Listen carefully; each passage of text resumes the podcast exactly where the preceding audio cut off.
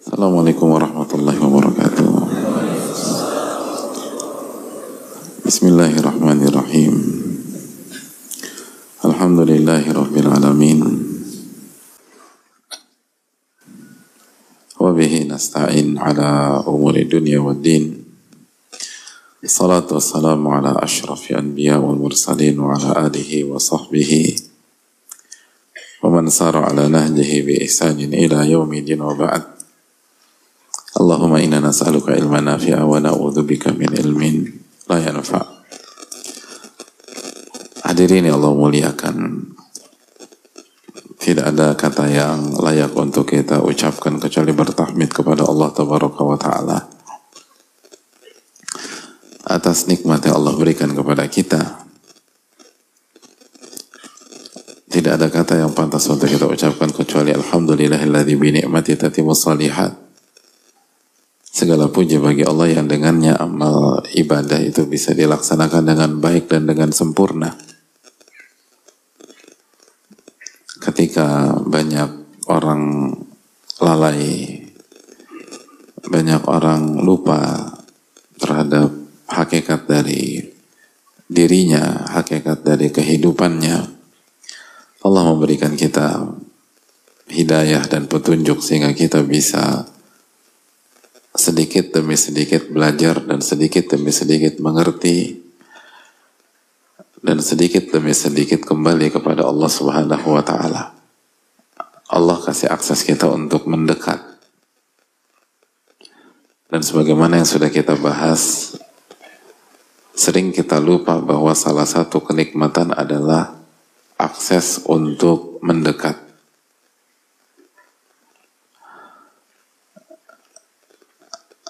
Betapa banyak orang itu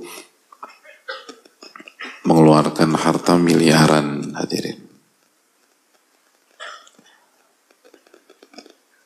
Tapi jangan berpikir dia bukakan akses untuk mendekat kepada diri dia. Enggak akses mendekat itu mahal. Sebagaimana banyak di antara hadirin sekalian berinfak rutin, bersedekah rutin, banyak bantu orang.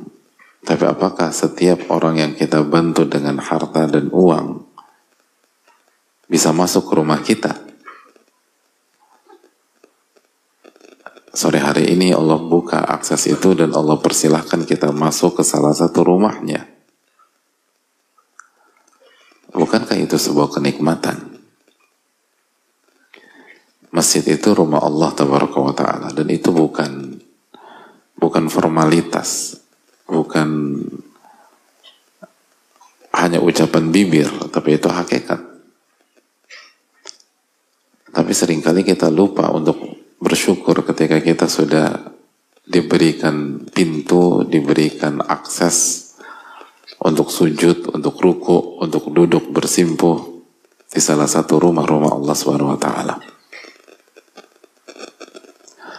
Seringkali kita lebih mudah bersyukur ketika keluar dari showroom mobil. Setelah mendp salah satu mobil impian kita. Atau kita lebih mudah bersyukur keluar dari sebuah butik. Sebuah restoran.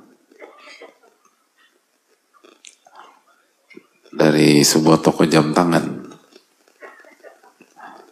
namun kita sekali lagi suka lupa bersyukur ketika kita keluar dari rumah Allah Subhanahu wa taala Maka hadirin Allah muliakan. Jadi kita sebatas bisa masuk rumah Allah saja tanpa ada kajian, tanpa ada ayat yang dipelajari, tanpa ada hadis Nabi SAW yang ditelaah dan direnungkan, itu aja udah kenikmatan hadirin. Dan itu sering kali kita lupa bersyukur. Lalu bagaimana Allah bukakan pintu rumahnya kepada kita? sehingga kita bisa sholat lima waktu, kita bisa sholat maghrib, kita bisa sholat isya, kita bisa mengkaji Al-Quran, kita bisa mengkaji hadis Nabi SAW, kita bisa menambah keimanan kita, kita bisa satu saf dengan orang-orang yang berusaha menjaga kesolehan dan meningkatkan kesolehan. Lalu pertanyaannya, ke mana rasa syukur itu?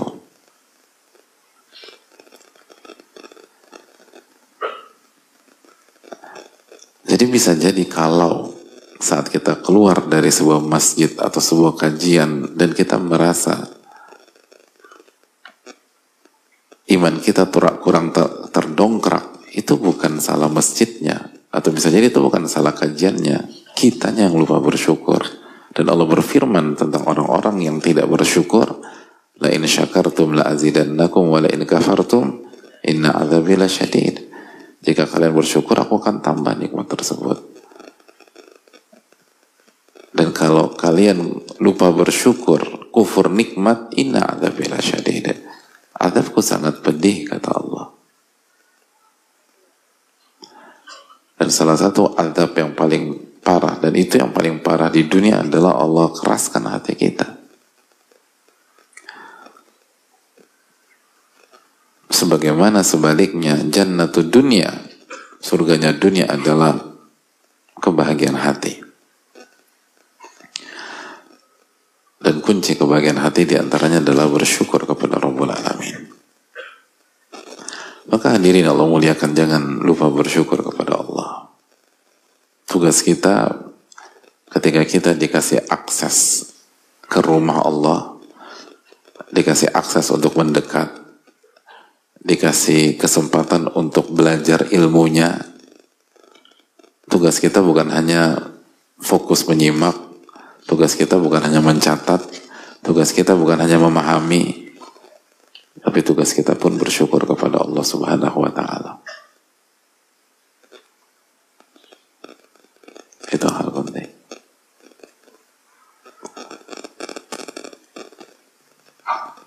Jadi hadirin yang Allah muliakan marilah kita kembali mengingatkan diri kita untuk pandai-pandai bersyukur. Terlebih lagi ketika Allah berikan kita kesempatan untuk belajar, untuk menambah iman di salah satu bulan haram. Di bulan Al-Muharram. di bulan di mana amal soleh pahalanya dilipat gandakan oleh Allah dan dosa dilipat gandakan oleh Allah Subhanahu wa taala. Lalu Allah jaga diri kita dari dosa di detik-detik ini dan bukan hanya Allah jaga diri kita dari dosa tapi Allah kasih hidayah sehingga kita bisa mengisi detik-detik ini dengan amal soleh. Bukankah itu hal yang harus kita syukuri? Dan sekali lagi kita katakan keterangan para ulama seperti yang dijelaskan Al-Hafidh Ibnu Rajab bahwa memaksimalkan bulan Al-Muharram bukan hanya untuk melipat gandakan pahala kita tapi juga untuk membuat start yang bagus di tahun 1445 Hijriah 1445 1445 Hijriah. Karena bulan Al-Muharram adalah awal dari perjalanan kita insya Allah Ta'ala di 12 bulan ini di tahun ini Binillahi Ta'ala. Maka sekali lagi menjaga awal atau menjaga start itu sangat ditekankan di bidang mana pun start itu sangat membantu kita dalam menjalani sebuah perjalanan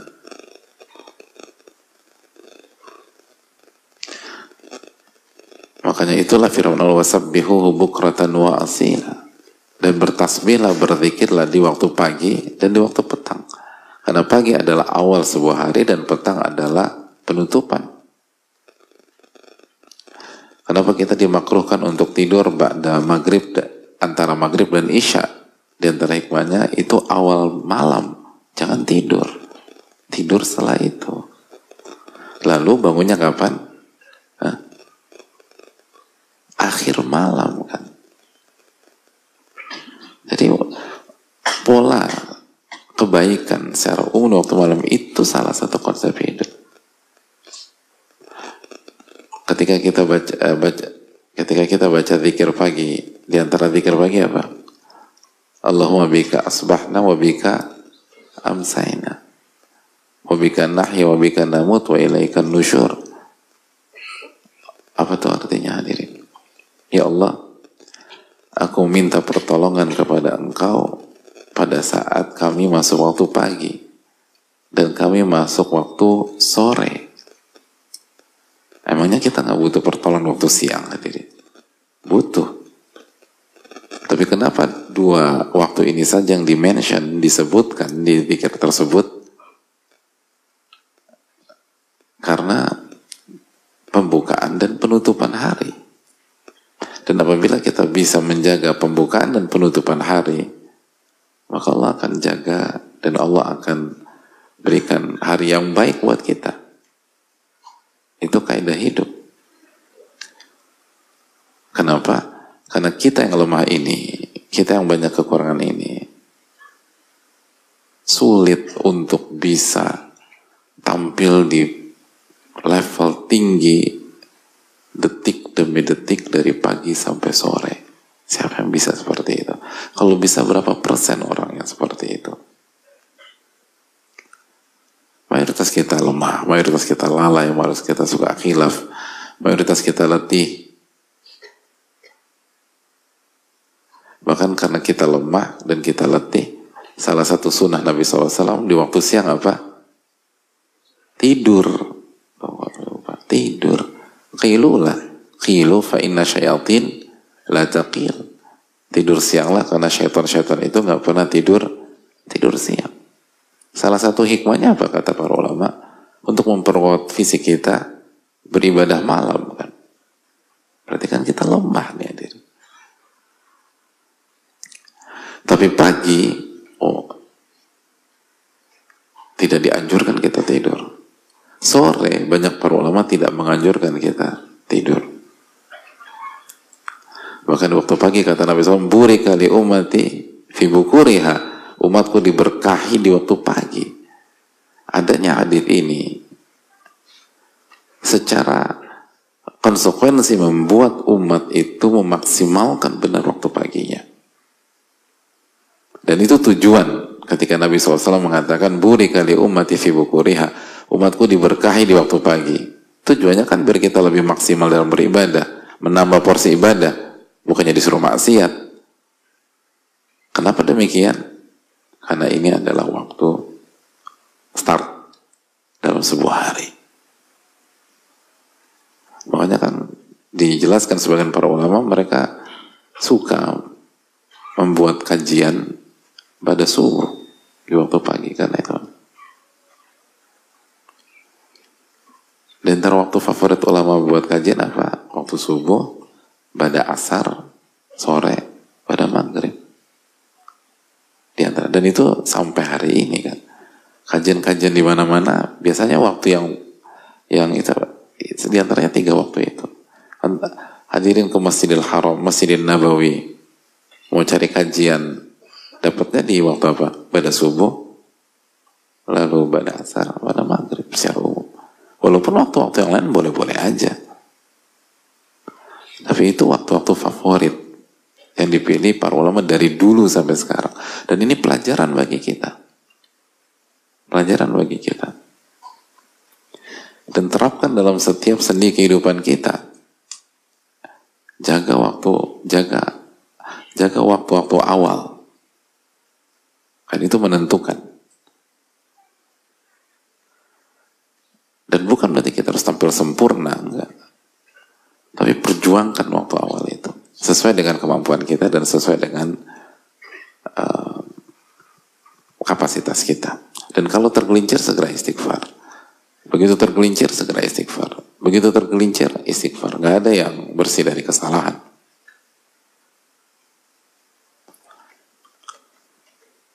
Dan dari sini kita juga menyadari bahwa amalan yang paling hendaknya kita tekankan adalah mengingat Allah Subhanahu wa taala. Makanya waktu pagi kita diperintahkan bertasbih, berzikir. Waktu sore diperintahkan bertasbih, berzikir. Di antara amalan waktu sahur apa? Istighfar, mohon ampun sama Allah Subhanahu wa taala. Maka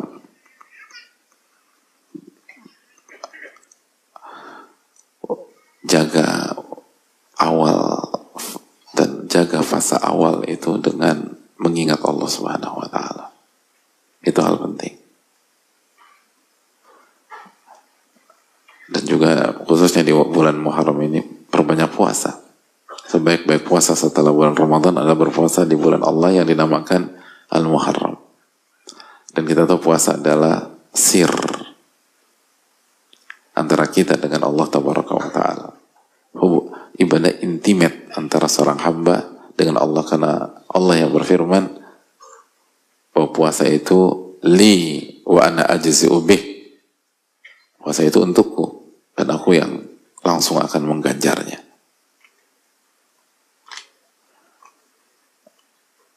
Dan ulama mengatakan bahwa puasa itu identik dengan zikir. Karena puasa adalah amalan rahasia. Puasa itu tentang kesabaran. Puasa itu tentang keikhlasan. Dan orang nggak mungkin ikhlas. nggak mungkin sabar kecuali zikirnya itu kuat hadirin. Nggak, nggak mungkin sabar, nggak mungkin kecuali zikirnya kuat.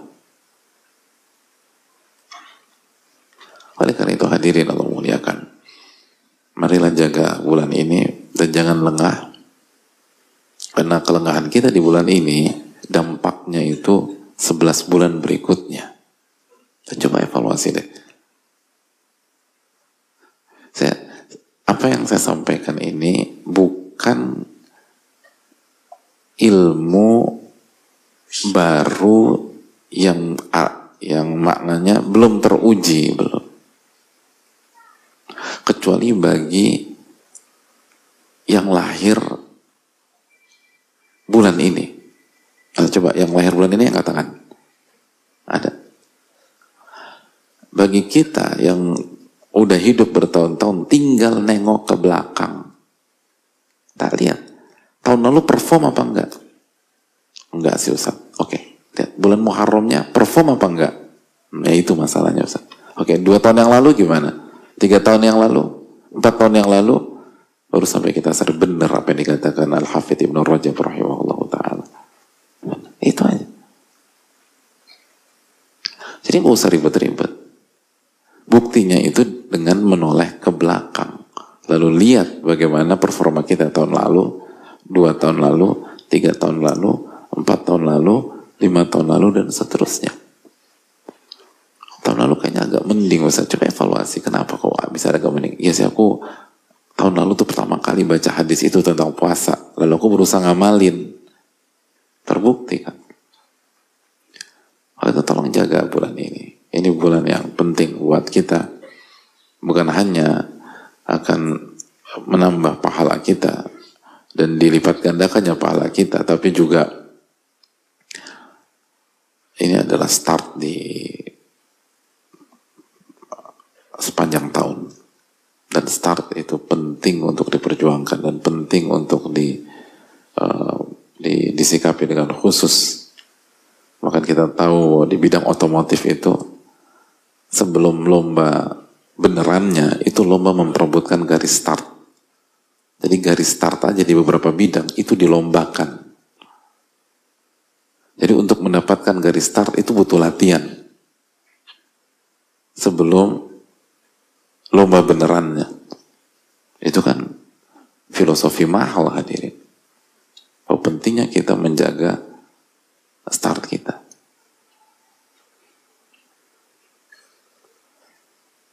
Itu poin. Ada banyak pelari itu latihan bertahun-tahun. Eh gagal meraih medali emas. Kenapa? Karena startnya salah. Begitu startnya salah, diskualifikasi. Pulang itu. Bayangkan, bukan karena kalah cepat, bukan. Bukan karena nggak mampu menyelesaikan pertandingan, bukan. Startnya salah. Startnya blunder. Begitu startnya blunder, diskualifikasi dan dia gagal total di kejuaraan itu dan sebagian nama-nama besar. Ini kembali memberikan pelajaran mahal kepada kita tentang arti kehidupan. Dan indahnya hadirin filosofi ini itu sudah dijelaskan para ulama. Sudah dijelaskan sudah dijelaskan para ulama. Jadi kalau kita benar-benar belajar dengan dengan benar dengan referensi yang valid kembali ke keterangan para ulama untuk mendapatkan sebuah hakikat ilmu dan itu kita tidak seperti tidak perlu pihak tidak perlu seperti pihak lain yang harus mendapatkan pengalaman berpuluh-puluh tahun baru sadar oh begini ya enggak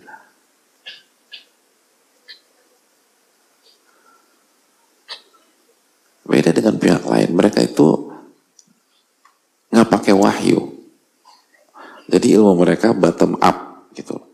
Diambil dari pengalaman-pengalaman hidup terus baru disimpulkan kalau kita ilmunya top down hadirin. Dapat dari wahyu dan nggak mungkin salah. Dzalikal kita la raiba fi. Kitab ini nggak ada keraguan di dalamnya. Petunjuk bagi orang-orang yang bertakwa. Tapi pertanyaan siapa yang mau belajar? Siapa yang mau dekat dengan Al-Quran? Siapa yang mau sabar mengkaji hadis-hadis Nabi kita Shallallahu Alaihi Wasallam itu pertanyaannya.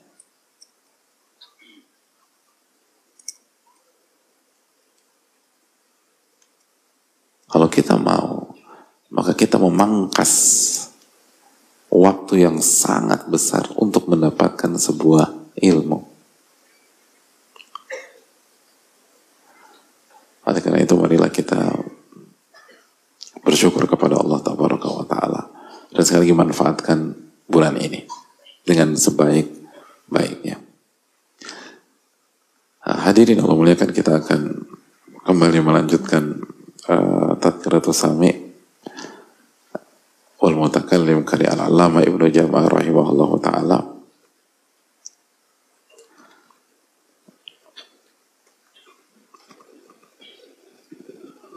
kita sudah sampai ke atas ya, yang ke sembilan tolong dibaca Jazakallah khairan Assalamualaikum Bismillahirrahmanirrahim الحمد لله رب العالمين وصلى الله وسلم وبارك على نبينا محمد وعلى آله وصحبه أجمعين اللهم اغفر لنا ولأستاذنا ولوالديه ووالدينا ومشايخه ومشايخنا وللمؤمنين يا رب العالمين. قال الإمام بدر الدين أبو عبد الله محمد بن إبراهيم بن سعد الله بن جماعة الكناني الشافعي رحمه الله تعالى. التاسع أن يطهر باطنه وظاهره من الأخلاق الردية ويعمره بالأخلاق المرضية. ومن الأخلاق الردية الغل والحسن والبغي والغضب لغير الله تعالى والغش والكبر والرياء والعجب والسمعة والبخل والخبث. والبطر والطمع والفخر والخيلاء والتنافس في الدنيا والمباهاة بها والمداهنة والتزين للناس وحب المدح بما لم يفعل والعمى عن عيوب النفس والاشتغال عنها بعيوب الخلق والحمية والعصبية لغير الله والرغبة والرهبة لغير الله والغيبة والنميمة والبهتان والكذب والفحش في القول واحتقار الناس ولو كانوا دونه Bismillah, Alhamdulillah, wassalatu wassalamu Hadirin Allah muliakan kita kembali melanjutkan kajian Tadkiratul Sami kita. Buku yang menjelaskan tentang uh, adab adab ilmu dan uh, ini adalah salah satu ilmu yang harus atau ini adalah pembahasan yang harus dipelajari oleh setiap orang yang terjun di dunia ilmu atau belajar dan lain sebagainya karena kaidah para ulama klasik kita, kaidah para sahabat, para tabiin, para tabi'ut tabi'in, kaidah imam yang empat, al-imam Abu Hanifah, Imam Malik, Imam Syafi'i, Imam Ahmad adalah al-adab qabla al-ilm. Adab sebelum ilmu. Sebagaimana dijelaskan oleh Ibnu Mubarak rahimahullah, dijelaskan oleh Imam Malik rahimahullah dan para ulama yang lain. Dan yang dimaksud adab sebelum ilmu adalah adabul, adabul ilm, adab ilmu. Bukan misalnya bukan adab makan, bukan adab tidur, bukan adab dan sebagainya. Tapi spesifik yang dimaksud adalah adab al-ilm. Kenapa demikian? Karena kaidah para ulama adalah al-ilmu jamil la yunaru ila bil jamal. Ilmu itu hal yang sangat indah dan tidak mungkin diraih kecuali dengan cara yang indah. Kecuali oleh orang yang indah. Kecuali dengan sikap dan metode yang indah. Gak mungkin didapatkan. Al ilmu jamil. La yunalu illa bil jamal. Itu kaidah para ulama. Dari cara mendapatkannya harus dengan keindahan. Gak bisa ngasal. Karena ini bukan ilmu, ini bukan resep A, bukan resep B, bukan resep C, bukan resep D. Ini ilmu Allah tabaraka wa ta'ala. Ini firman Allah tabaraka wa ta'ala. Ini sunnah nabinya Allah subhanahu wa ta'ala sallallahu alaihi wasallam. Jadi nggak bisa ngasal. Dan kalaupun ada orang yang nggak punya adab lalu mendapatkan ilmu, maka ketahuilah ilmunya hanya maklumat ilmunya hanya knowledge ilmunya hanya sebatas tahu A, tahu B, tahu C, tahu D dan seterusnya Adapun ilmu yang menancap di dalam hati enggak hadir. Adapun ilmu nafi enggak bisa. Enggak bisa. Makanya kata Imam Syafi'i apa? Enggak ada orang yang berhasil mendapat ilmu dengan izin nafas dengan jiwa dengan merasa tinggi. Syarat mendapatkan ilmu nafi bidzullin nafas kata Imam Syafi'i. Anda harus merendah. Anda harus merasa hina.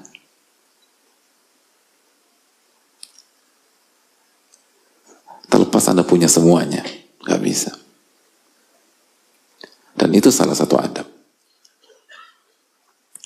Oke ini yang perlu kita tanamkan bersama-sama bahwa jangan pernah berpikir ilmu itu akan dengan mudah kita dapatkan nggak bisa. Dan ini adalah kaidah yang nggak bisa ditawar lagi.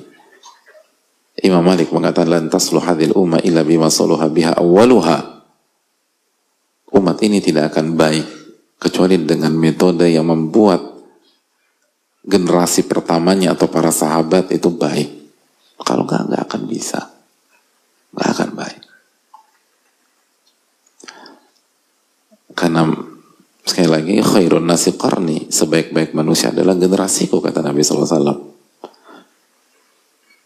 Dan cara berpikir ilmiah kita itu harus belajar dari yang terbaik. Dan yang terbaik adalah para sahabat. Sama. Yang membuat seseorang itu sukses di sebuah bidang adalah metode yang membuat orang-orang terbaiknya sukses. Selalu demikian cara berpikir. Lihat aja orang-orang terbaik. Lalu tiru metode mereka. Pelajari.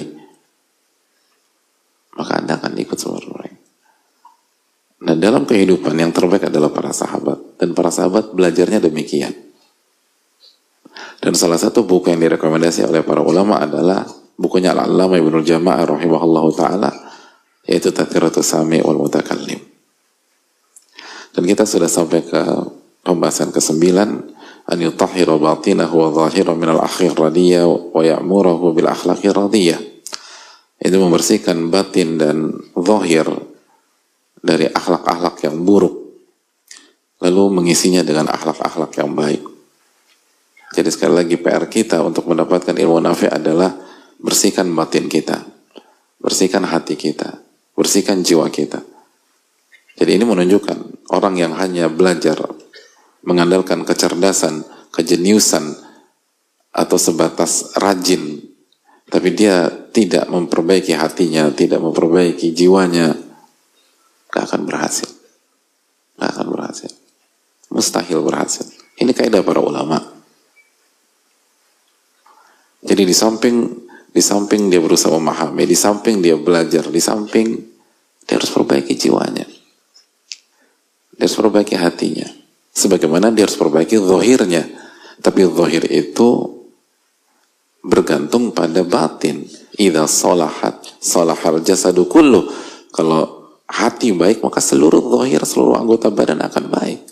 Wa idza fasadat fasadal jasadu kullu. Kalau uh, hati buruk maka semuanya akan buruk. Maka hadirin ini yang perlu kita tanamkan. Wa minal radiyah dan antara akhlak yang buruk kita sudah sebutkan beberapa hal dan kita masuk ke pembahasan wal mubahatu biha. Dan di antara akhlak yang harus kita bersihkan dalam diri kita ketika kita belajar adalah berlomba-lomba dalam dunia dan uh, berbangga-bangga dengan dunia. Ini akhlak yang buruk. Penuntut ilmu tidak boleh berlomba-lomba dalam hal dunia untuk mendapatkan dunia atau sebagai ahli dunia dan tidak boleh um, sombong karena dunianya tidak boleh membanggakan pencapaian dunianya nggak bisa itu nggak akan berhasil. Dan mubahatu biha membangga-banggakan dunia hanya akan membuat kita gagal mendapatkan ilmu nafi. Jadi berbangga-bangga dengan dunia. Adu hebat-hebatan dengan dunia maka itu hanya membuat kita gagal mendapatkan ilmu nafi. Dan bedakan anda antara memiliki dunia dengan membangga-banggakan dunia.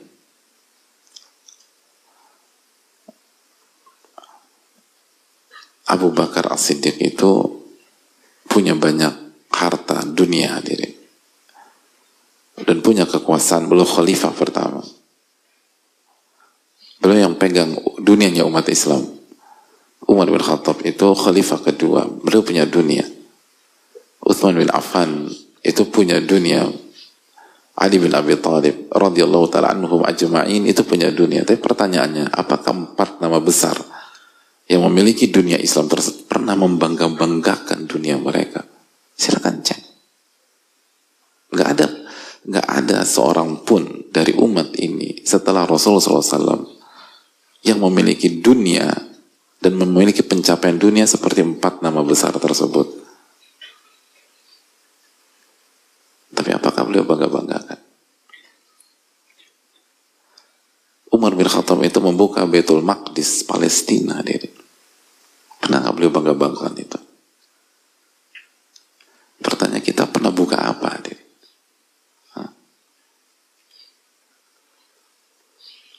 Tapi terkadang kita suka terpancing ini, terpancing itu. Apa yang sudah kita lakukan? Bahkan Umar bin ketika serah terima kunci kota nyeker hadirin.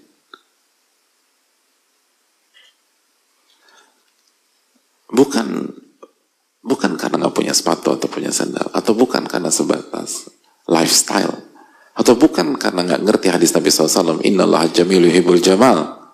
Ketika ada sahabat bertanya bagaimana dengan seseorang yang menyukai pakaian bagus dan alas kaki yang bagus? Nabi SAW mengatakan Inna Allah jamil yuhibul jamal. Allah yang maha indah dan menyukai segala bentuk keindahan selama tidak haram.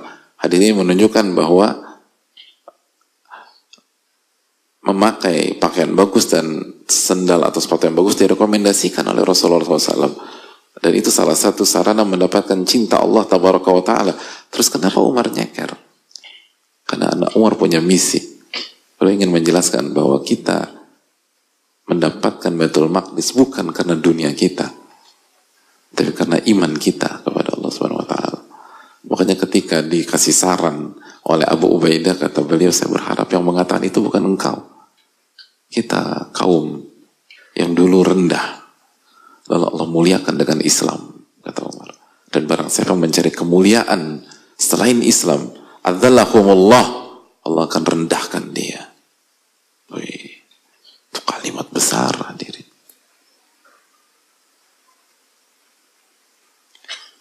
Beliau ingin kasih pesan bahwa kita berhasil sampai titik ini. Achievement-achievement kita bukan karena kekuatan dunia kita, tapi karena keimanan, ketakwaan. Karena pertolongan Allah Taala itu poin. Jadi ini pelajaran buat kita jemaah. Dan pernah berbangga. Dan ini bukan berarti ini bukan berarti jadi orang miskin enggak. Itu nama-nama besar tadi itu punya dunia di level tertinggi. Tapi apakah mereka bangga-banggakan itu? Enggak.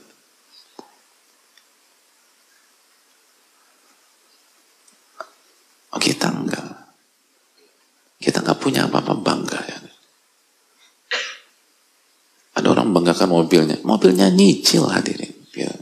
Apa yang patut dibanggakan?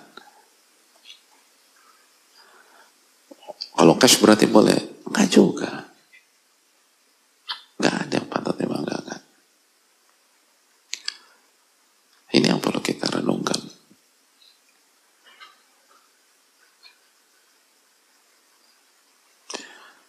Hadirin Allah muliakan.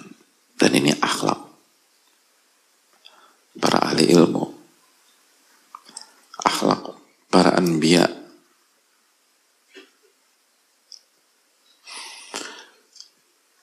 dan para nabi adalah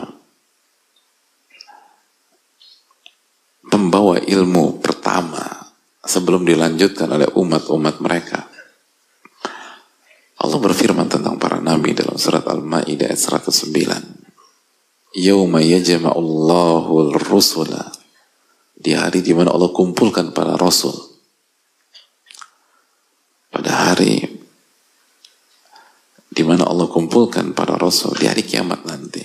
Allah kumpulkan para rasul. Lalu Allah bertanya kepada mereka jawab. Allah bertanya kepada mereka. Ada pertanyaan yang Allah lemparkan kepada para rasul. Apa pertanyaan? Mada ujibtum?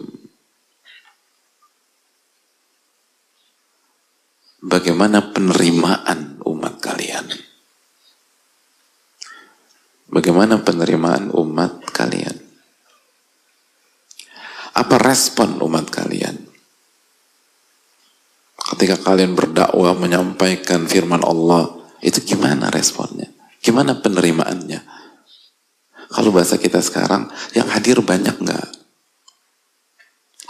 Kalau Anda ngisi kajian, masjid penuh apa enggak? Banyak nggak yang hadir? Terus gimana antusias nggak?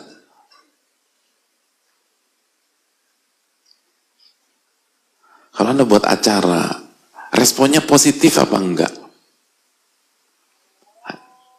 Hadirin Allah muliakan. Emang udah maghrib?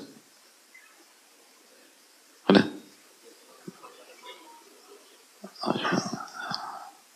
Ya, gimana gimana respon mereka? Apa jawab para rasul? Oke, jawaban hadirin apa kira-kira? Hadirin panitia, panitia kajian, panitia sunatan masal, atau uh, sembako gratis. Ditanya responnya gimana? Jawabannya gimana? Jujur, jujur, jujur. Nah, gimana responnya? Hah? Gimana? Gak pernah. Gak pernah punya kegiatan dalam hidup. Sian ya hidupnya. Hah? Alhamdulillah. Pesertanya ratusan. Padahal 101 hadirin. Enggak enak bilang 101. Seratusan. Orang beratusan tuh 500, 700, 101. Ya. Pesertanya ribuan. Seribu seratus, seribu satu, seribu dua. Itu pun yang daftar seribu dua. Yang hadir tujuh ratus. Mana yang daftar ribuan, Pak. Sukses acara kita. Coba tanya, bagaimana respon para rasul? Kata mereka, Qalu la ilma lana. Innaka anta allamul guyub. Qalu la ilma lana. Mereka menjawab dengan seragam, dengan kompak. Kita nggak tahu ya Allah. Allahu Akbar. La ilma kita nggak punya ilmu. Innaka anta allamul ghuyub. Engkau lah yang maha mengetahui hal-hal yang gaib. Ini momen membanggakan diri tapi tidak digunakan oleh para rasul. Dan kalau mereka bangga-bangga ngangkat aman kok. Ditanya sama Allah SWT. Yang nanya Allah wa ta'ala. Tapi lihat bagaimana adab. Bagaimana cara bermain. Dan sebagian ulama mengatakan, dan kalau kita baca buku tafsir, anggap saja yang hadir banyak. Tapi apakah kita bisa menerawang hati seseorang? Maka yang hadir banyak. Emangnya semua yang hadir ikhlas hadirin? Emangnya semua yang hadir itu khusyuk sama Allah? Apakah semua yang hadir itu nggak punya kepentingan dunia sama sekali? Anda bisa garansi itu. Anda bisa hitung jumlah zohir, tapi Anda bisa takar kualitas hati seseorang. Oke yang hadir banyak, emangnya diterima sama Allah? Oke yang hadir banyak, emangnya Allah ridhoi jamaah? Gak tahu kita. Makanya jawabannya, la ilma lana. Kita nggak tahu ya Allah. Kita nggak punya ilmu tentang itu. Engkau yang pantas menghukumi. Engkau yang lebih tahu. Inna ka anta alamul guyub. Inilah cara orang-orang terbaik itu bersikap. Inilah cara orang-orang terbaik itu bermain dalam tanda kutip. Bukan satu dua orang. Yauma yajma'allahu rusula. Allah katakan. Hari di mana Allah bertanya kepada para rasul. Seluruh para rasul. Mada ujibtum. Bagaimana respon umat kalian? Dan mereka nggak gunakan itu untuk berbangga, jemaah.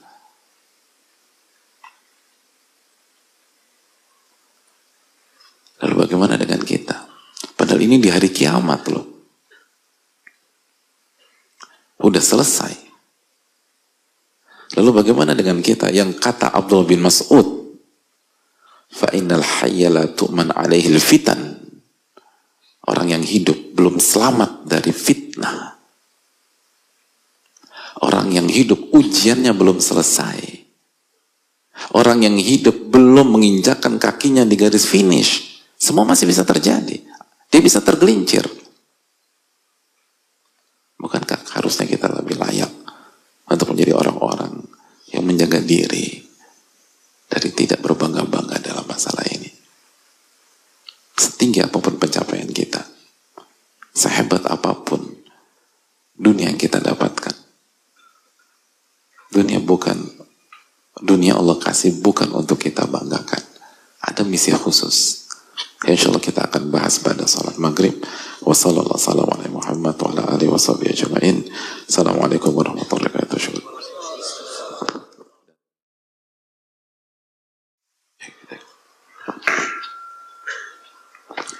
Assalamualaikum warahmatullahi wabarakatuh. Bismillahirrahmanirrahim. Bismillahirrahmanirrahim. Alhamdulillah wassalatu wassalamu ala Rasulillah wa ala alihi wa sahbihi wa man wala wa ba'd.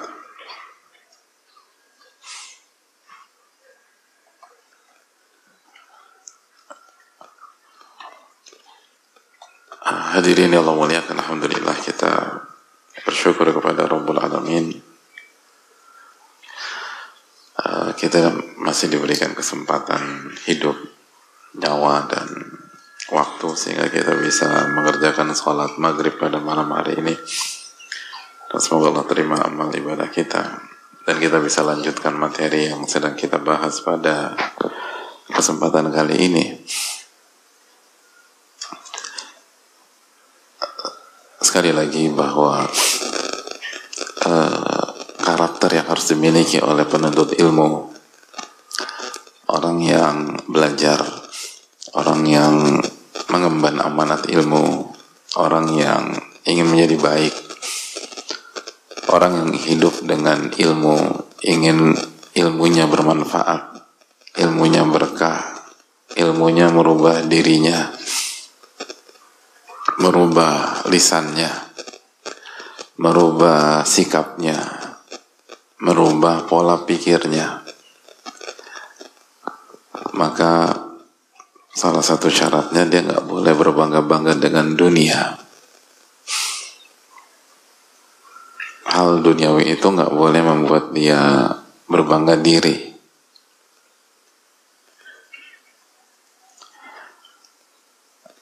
Karena yang memuliakan dia itu bukan dunia.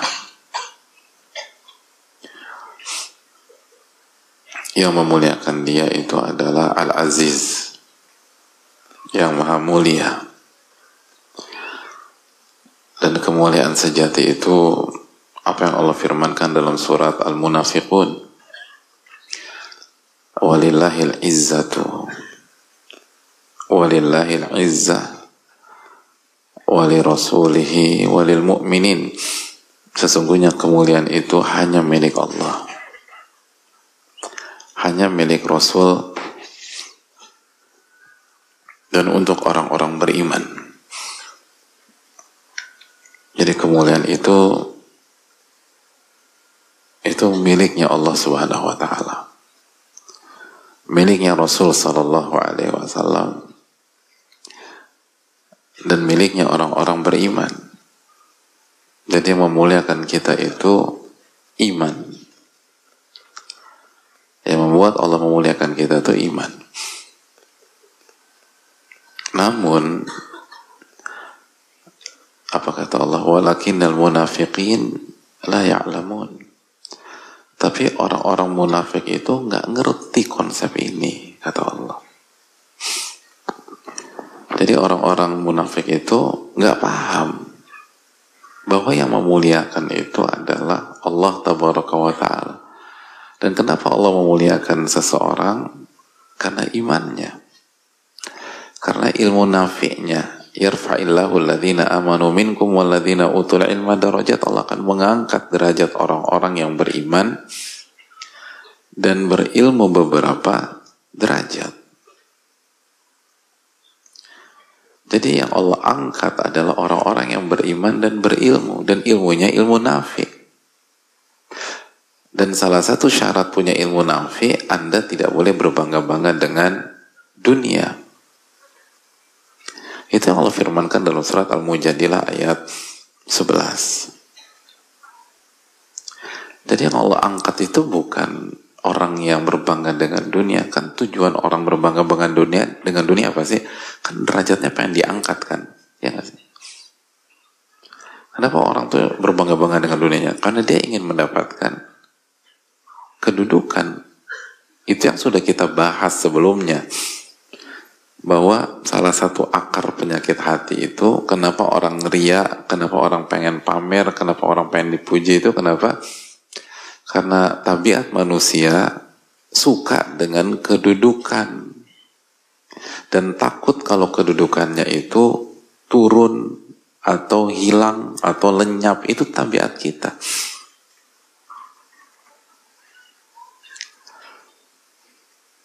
Jadi itulah kenapa orang itu berbangga-bangga. Gue harus mendapatkan achievement dalam hal ini. Kenapa? Biar gue dipandang orang. Biar nggak ada yang ngeremehin gue. Biar saya bisa jalan terhormat. Itu tabiat manusia. Nah kalau itu yang anda inginkan, yarfa'illahu alladhina amanu minkum walladhina utul ilma darajat Allah akan mengangkat derajat orang-orang yang beriman dan berilmu beberapa derajat. Kalau gitu cari kemuliaan dari sisi Allah. Oleh karena itu hadirin Allah muliakan. Ada seorang nama besar yang pernah berkhutbah tentang masalah ini. Simple, khutbahnya simple, mungkin secara substansi banyak di antara hadirin menganggap ini bukan hal yang baru. Tapi karena sosok ini yang berbicara, dan momen berkhutbahnya itu berbeda, kita harus dengar khutbah yang satu ini. Atau setidaknya penggalan dari khutbah beliau. Karena yang berkhutbah adalah Siapa hadirin?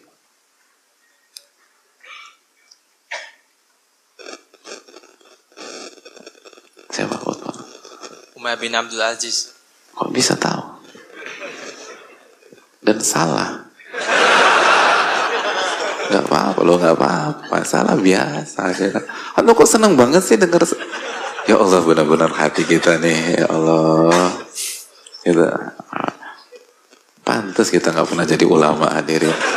Lo iya benar.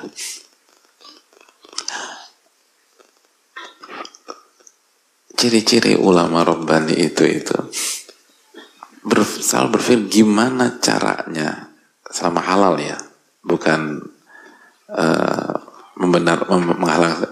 Gimana caranya agar saudaranya nggak berdosa, nah itu, nggak diadab sama Allah. Itu hadirin. Makanya dalam ilmu usul ada ada ada pembahasan at-taqlid badal fi'il. agak panjang pas masalah itu tapi intinya salah satu wisdom dalam bab ini adalah gimana uh, strategi ulama agar saudaranya, temannya atau umat itu tidak diadab sama Allah Subhanahu wa taala itu. tapi dengan koridor yang benar bukan menghalalkan segala cara tidak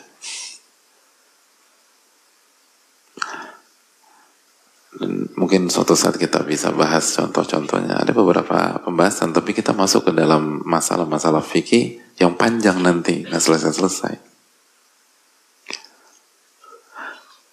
tapi poinnya adalah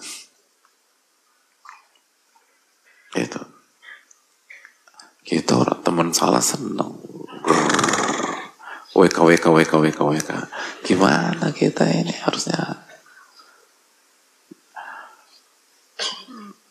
Jadi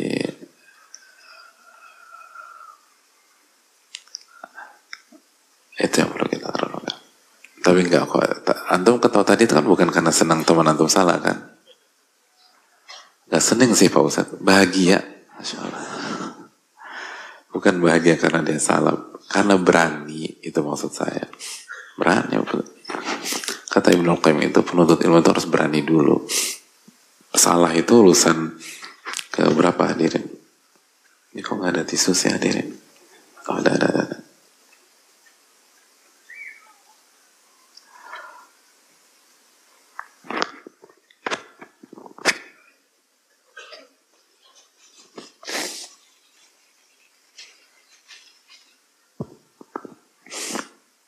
kata Al-Allama Ibnu Qayyim rahimahullah taala itu penuntut ilmu khususnya itu harus berani syaja'ah.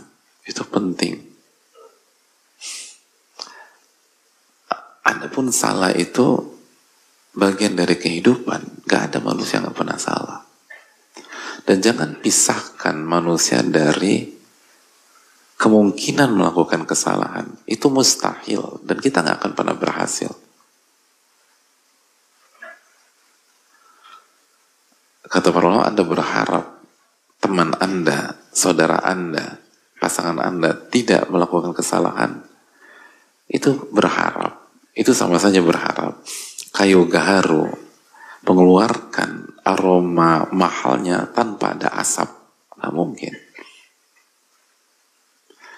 Kayu gaharu, ut itu. Ut.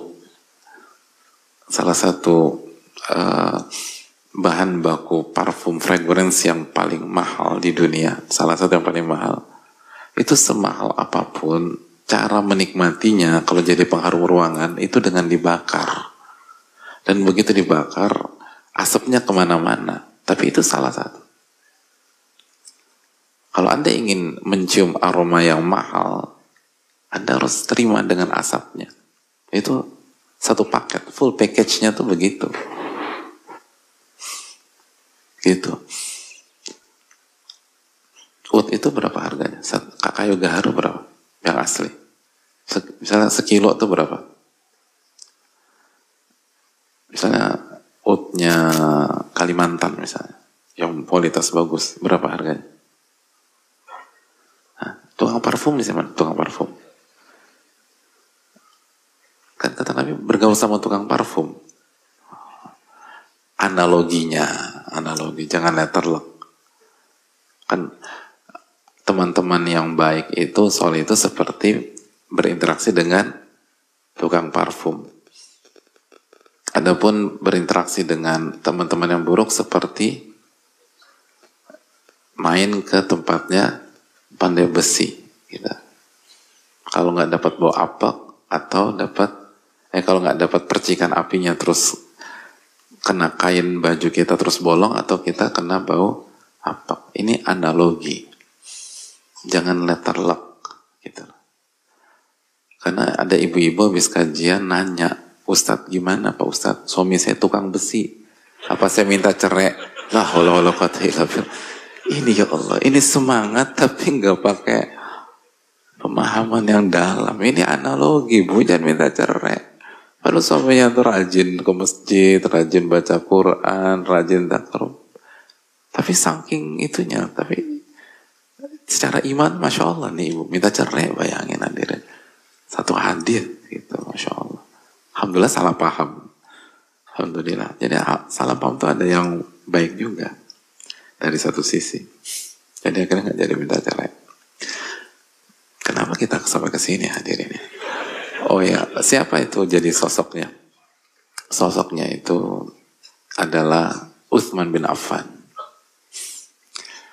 Salah satu ikon kekayaan di zaman Rasulullah SAW.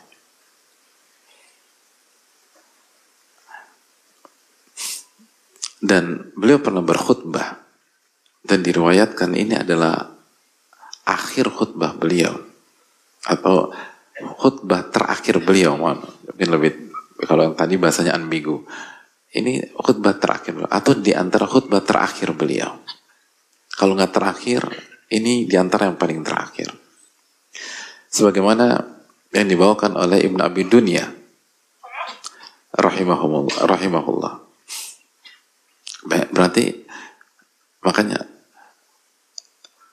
yang bicara adalah sosok yang punya dunia hadirin. Dan beliau bicara di akhir hayat beliau. Berarti beliau semua kesuksesan beliau sudah dapatkan. Dan beliau berbicara setelah semuanya beliau raih. Semuanya. Harta, kekuasaan. Rumah tangga beliau menikahi dua istri, eh, dua anak perempuan Nabi kita Sallallahu dalam waktu yang berbeda. Itu kurang kurang sempurna apa hidup? Secara strata sosial di level tinggi. Kekayaan di antara yang terkaya. Lalu beliau punya hubungan yang sangat dekat dengan Rasulullah SAW.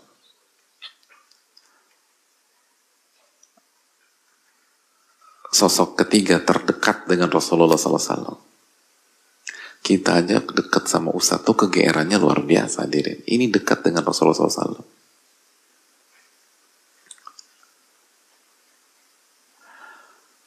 Lalu jadi khalifah, orang nomor satu dalam kekuasaan. Dan kekuasaan itu puncaknya dunia, kata para ulama.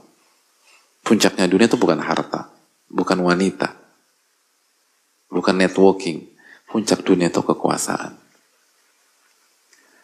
Di antara alasannya karena kalau Anda punya kekuatan, semuanya Anda punya sudah. Apa ada? Dan itu dimiliki oleh Utsman bin Affan. Apa kata beliau?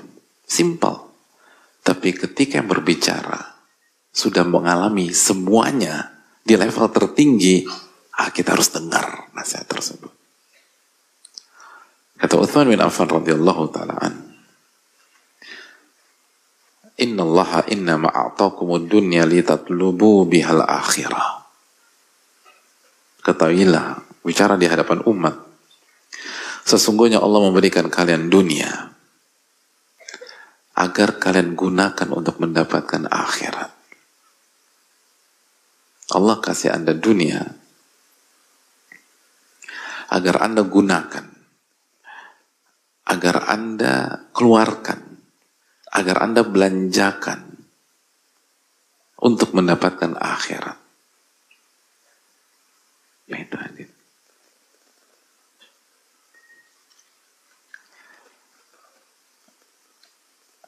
Jadi hadirin Allah muliakan.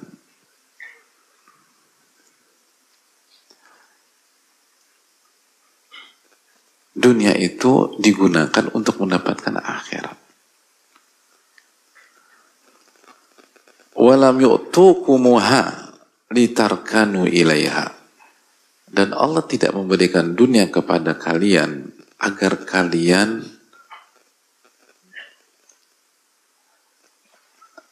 sebatas tinggal nyaman terus bersenang-senang di dunia. Bukan itu.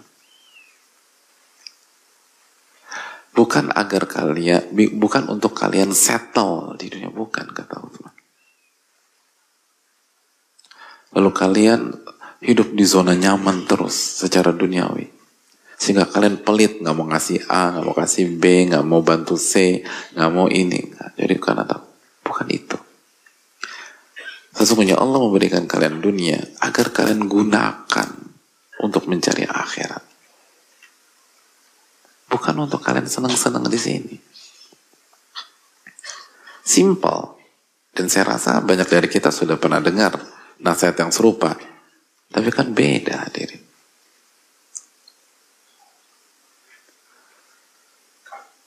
Kalau yang bicara khalifah yang bicara, salah satu yang paling kaya di masa Nabi SAW. Ikonnya kekayaan. Dan di akhir hayat beliau, setelah beliau menguasai semuanya, beda kan dengan yang bicara keponakan kita yang baru sekolah TK 0 kecil. Beda diri.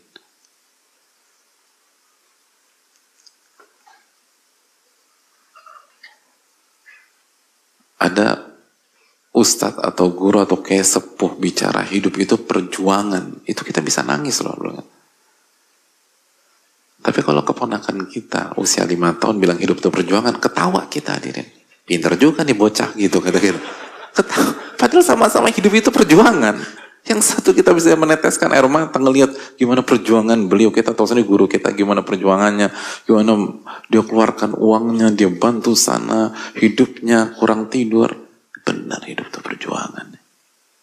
Tapi kalau ponakan kita, hidup itu perjuangan. Lima menit kemudian, es krim, es krim, es krim. Katanya hidup perjuangan, minta es krim sama kita. Terus nangis dia. Gitu. Terus kita diaduin sama neneknya. Yang notabene ibu kita juga. Diomelin kan sama mak kita. Tambah sebel kita. Kita jitak dia. Tapi nggak boleh, nggak boleh jangan dijitak. Tapi poinnya adalah kalimat itu itu siapa yang bicara hadirin? Itu rohnya kalimat. Makanya ketika Muhammad bin Wasi mendapatkan curhatan seorang kalau bahasa kita sekarang public speaker ketika dia merasa dia bicara sudah menggunakan seluruh kaidah public speaking tapi orang nggak tergugah sama dia.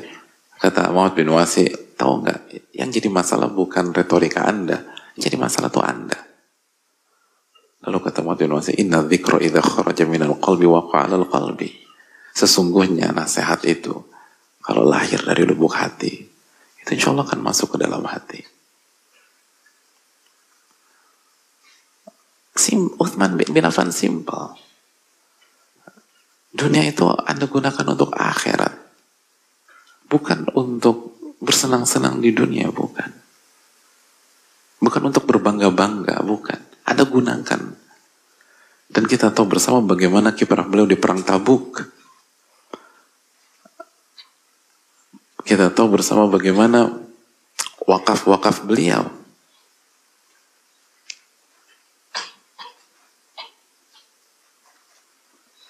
Kita tahu bagaimana pengorbanan beliau.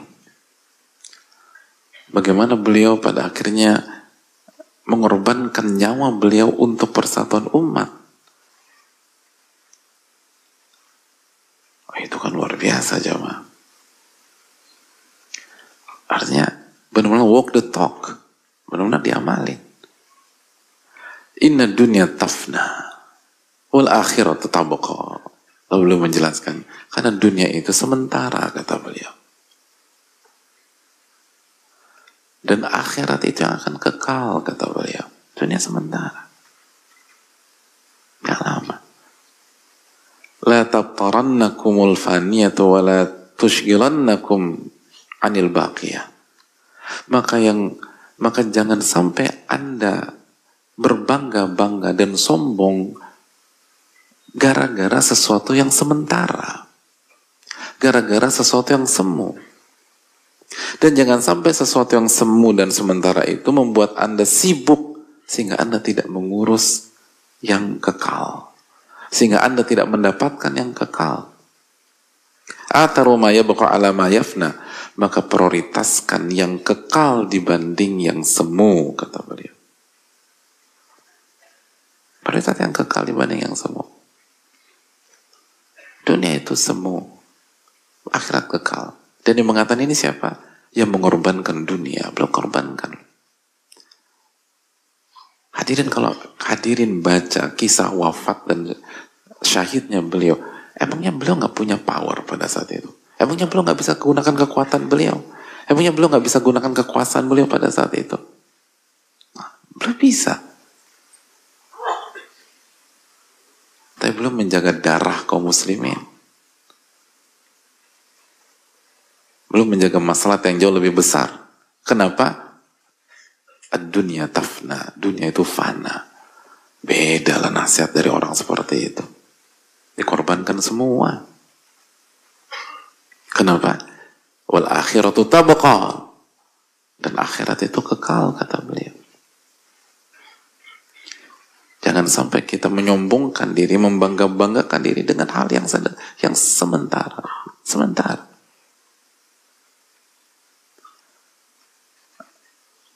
dan kita sibuk dan akhirnya tidak berhasil dan gagal mendapatkan yang kekal. Ini nasihat dari Uthman bin Affan radhiyallahu taala. Maka tolong prioritaskan akhirat dibanding dunia. Prioritaskan yang kekal dibanding yang semu. Fa inna dunya kata beliau. Dunia itu akan berakhir. Ini yang menyebabkan kenapa beliau sumbang sana, sumbang sini, bantu sana, bantu. Karena beliau tahu semua akan berakhir. Semua akan selesai. Mumpung ada kesempatan justru. Begitu ada kesempatan, maka memberilah. Jangan selalu berpikir menerima, menerima, menerima. Kapan kita memberi? Makanya itu kan yang digalaukan oleh orang-orang miskin di zaman sahabat. Kenapa kita dapat terus ya? Kapan kita memberi? Walahum fadlun min amwalihim. Itu kan yang yang di, dicurhati mereka ke Rasulullah SAW ketika membicarakan orang kaya. Jadi mereka tuh kalau bicara orang kaya itu bukan tentang harta mereka, lalu kok mereka bisa beli A, bisa beli B, bisa beli C. Tapi mereka tuh kok orang kaya sholat sebagaimana kita sholat, puasa sebagaimana kita puasa. Tapi mereka bisa sedekah sedangkan kita nggak bisa sedekah. Mereka bisa haji, kita nggak bisa haji. Mereka bisa memberi, kita nerima terus. Zahaba ahlu duthuri, zahaba ahlu duthuri bil ujur. Orang-orang kaya telah mengalahkan kita, meninggalkan kita dengan memborong pahala. Itu baru mental penuntut ilmu hadirin. Kita nggak tertarik dengan harta teman kita, teman kita ke kajian atau ke kantor naik mobil apa, gimana outfitnya, apa merek handphonenya itu, enggak. Kita tuh pikiran, kok dia bisa ya sholat tepat waktu, kok gue nggak bisa. Padahal kaya dia daripada gue. Lebih sibuk dia daripada gue. Kok dia bisa selesaikan khatam setiap satu bulan sekali? Kok gue nggak selesai-selesai? Itu yang harusnya kita pikirkan. Dan itu kalau kita mau ilmu kita bermanfaat. Fa inna dunya. Dunia itu akan berakhir kata Uthman. Wa innal masira ila Allah. Dan perjalanan ini itu menuju Allah, kata beliau. Perjalanan ini itu menuju Allah hadirin. Kita ini hidup untuk kembali, bukan hidup untuk menjauh. Kembali ke yang menciptakan kita. Kembali yang memberikan tubuh kepada kita. Yang memberikan ruh kepada kita kembali ke yang paling sayang kepada kita, yang paling mengasihi kita, yang maha baik, Ar-Rahman, Ar-Rahim, Al-Muhsin, yang menyediakan semua yang kita butuhkan. Kun fi dunia ka'annaka gharib aw abir. Hiduplah di dunia seperti ada orang asing atau seorang musafir yang sedang singgah dalam sebuah perjalanan menuju kampung halaman. Kampung halaman kita bukan di sini. Kampung halaman kita di akhirat. Tujuan kita bukan mengumpulkan dan jadi orang kaya segala macam punya di sini punya di sini tapi nggak ada gunanya. Semua akan dihisap hadirin. Anda punya empat rumah di Jakarta emang nggak dihisap sama Allah? Anda punya rumah di kawasan strategis di Jakarta, emang nggak dihisap sama Allah? Maka pikirkan apa yang akan kita jawab pada hari tersebut. Dzalikal yaumul fasl. Semua akan didudukkan dan akan di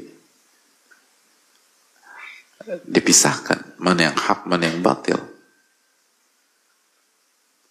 Dan kita akan kembali kepada Rabbul Alamin. Lihat bagaimana ini yang bicara orang yang punya dunia hadirin. Orang yang punya dunia. Dan belum bicara di, di level paling atasnya dunia. Khalifah hadirin. Kekuasaannya bukan satu RT, bukan satu RW, bukan satu kabupaten, bukan satu kota Madia, bukan satu provinsi, bukan satu negara. Khalifah. Dan di saat itu beliau katakan, Wa innal masir ilallah. Perjalanan ini kembali kepada Allah.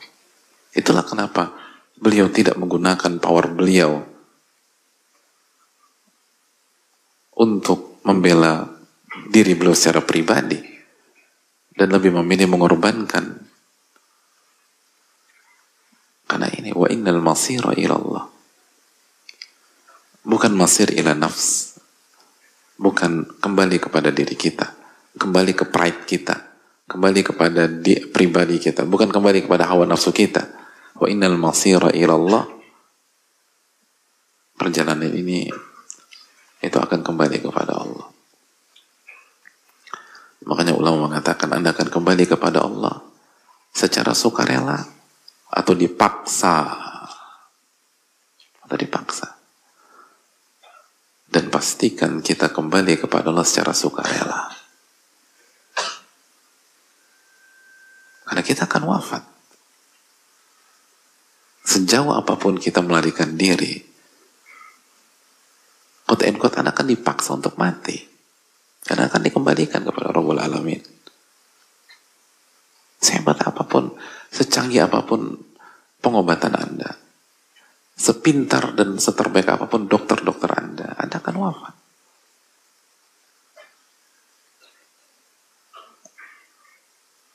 Maka ini yang harus diyakini penuntut ilmu sebelum belajar ilmu-ilmu yang lain.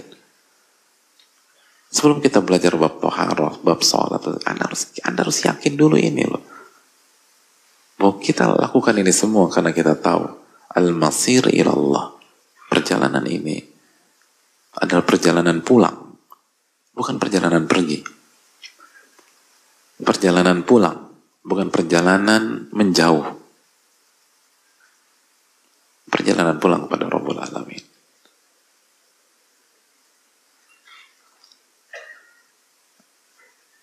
Makanya kita tahu bersama-sama bahwa nikmat di surga hadirin itu bukan istana. Nikmat di surga itu bukan bidadari. Nikmat di surga bukan sungai susu, bukan sungai madu. Nikmat di surga adalah melihat wajah Allah Tabaraka wa Ta'ala. Kenapa melihat hadirin? Banyak orang bertanya, kenapa melihat? Kenapa bukan istana? Kenapa bukan harta? Hadirin, hanya pencinta yang mengerti nilai dari melihat.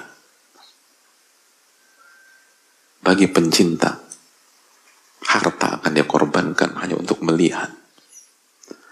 Bukankah kita tahu bersama-sama banyak orang tua, banyak ibu, ketika anaknya diculik, dia akan mengatakan, ambil seluruh harta saya. Lalu kita tanya sama si ibu, kenapa anda melakukan itu? Saya ingin melihat anak saya. Melihat hadir. Gak ada yang lebih indah daripada melihat yang kita cintai.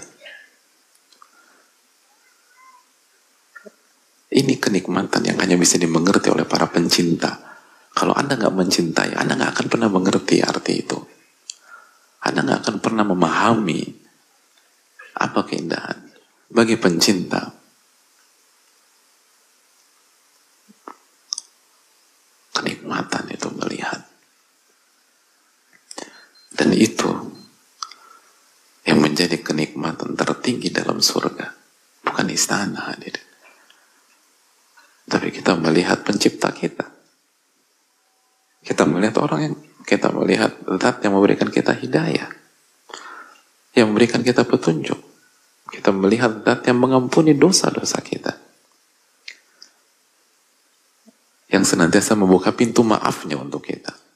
Seburuk apa pun kita, sependosa apa pun kita, sefatal apa pun kesalahan kita. Di saat di saat manusia menutup pintu rumahnya untuk kita, menutup pintu maafnya untuk kita, tapi Rob kita nggak pernah menutup pintu maaf. Gak pernah kita punya keinginan melihatnya berarti Anda tidak cinta kepada Rabbul Alamin. Ini tentang cinta dia. Wa innal masira ilallah. Perjalanan ini itu untuk itu. Untuk itu. Kita jungkir balik. Kita bangun di waktu malam untuk witir. Kita datang ke kajian. Setelah kajian kita ber, bergelut dengan kemacetan untuk bisa keluar dari parkiran. Lalu kita berusaha amalkan ilmu kita kita mendapatkan tantangan di keluarga kecil kita, tantangan di lingkungan kita, kita tinggalkan harta haram. Kita dijauhi sebagian teman-teman. Itu semua itu puncaknya melihat wajah Allah tabaraka wa taala. Luar biasa. Puncaknya tuh itu. Bukan untuk dapat istana, bukan puncak. Insya Allah Anda dapat istana, tapi bukan itu puncaknya. Puncaknya itu untuk melihat. Dan itu keindahan terbesar bagi seorang hamba.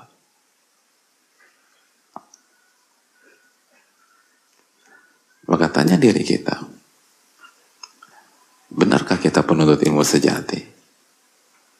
Benarkah kita merindukan Rabbul Alamin? Makanya ulama mengatakan kematian itu sakit hadirin. Tapi sakitnya kematian bagi orang-orang beriman tercover dengan kekuatan rasa rindu untuk bertemu dengan Robnya. Oh, itu kalimat-kalimat besar hadirin. Dan yang berbicara tidak lebih baik daripada yang mendengar. Tapi itu yang dikatakan para ulama dan kalau kita bisa sampai titik ini, itu semua musibah dunia ringan, jemaah. Semua musibah dunia ringan.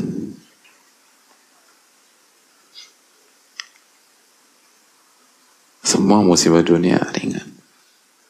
Tapi masalahnya itu tadi. Terlalu banyak porsi dunia dalam jiwa kita. Maka kita ringkih. Maka kita rapuh saya mau tanya sama hadirin, siapa di antara kita yang lagi dapat musibah berat, sulit, dan musibahnya lebih berat daripada ujiannya Bilal bin Robah? Gak ada. Tapi kenapa Bilal itu bisa istiqomah? Kenapa beliau Bilal nggak bergeming?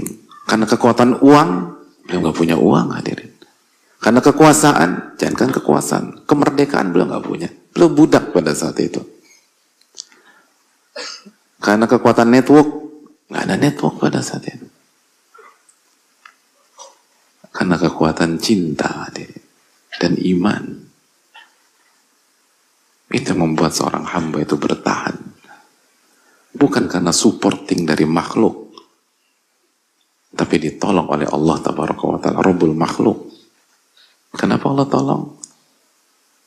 Karena Allah senantiasa menolong para pencintanya subhanahu wa ta'ala. Oleh karena itu hadirin Allah muliakan ini PR kita. Dan ini salah satu adab dalam ilmu. Dan kalau kita bisa bermain di titik ini, maka kita akan mendapatkan ilmu nafi. Dan ini titik yang sulit dan butuh diperjuangkan. Maka apabila malam ini mungkin kita merasa kayaknya saya belum sampai di titik itu, jangan putus asa hadirin. Jangan pesimis. Rob kita Ar-Rahman Ar-Rahim.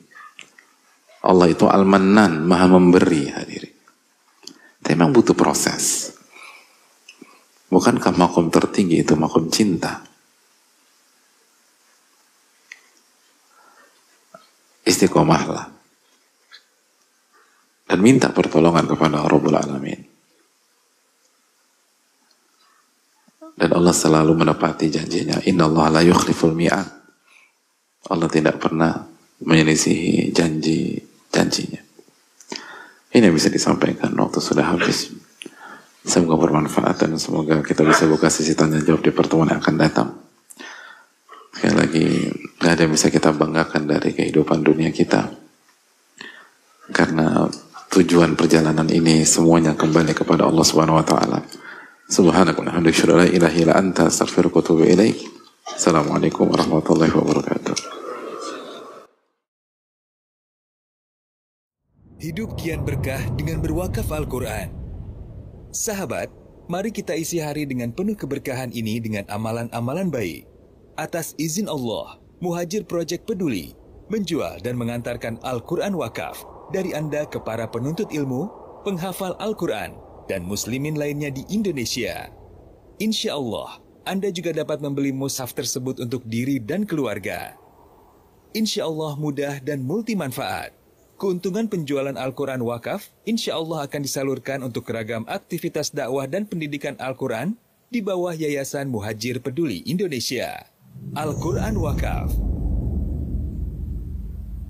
Kejar tambahan berkah dengan berwakaf Al-Quran melalui rekening CIMB Niaga Syariah 8600 1381 5600 Kode Bank 022 atas nama Muhajir Peduli Indonesia.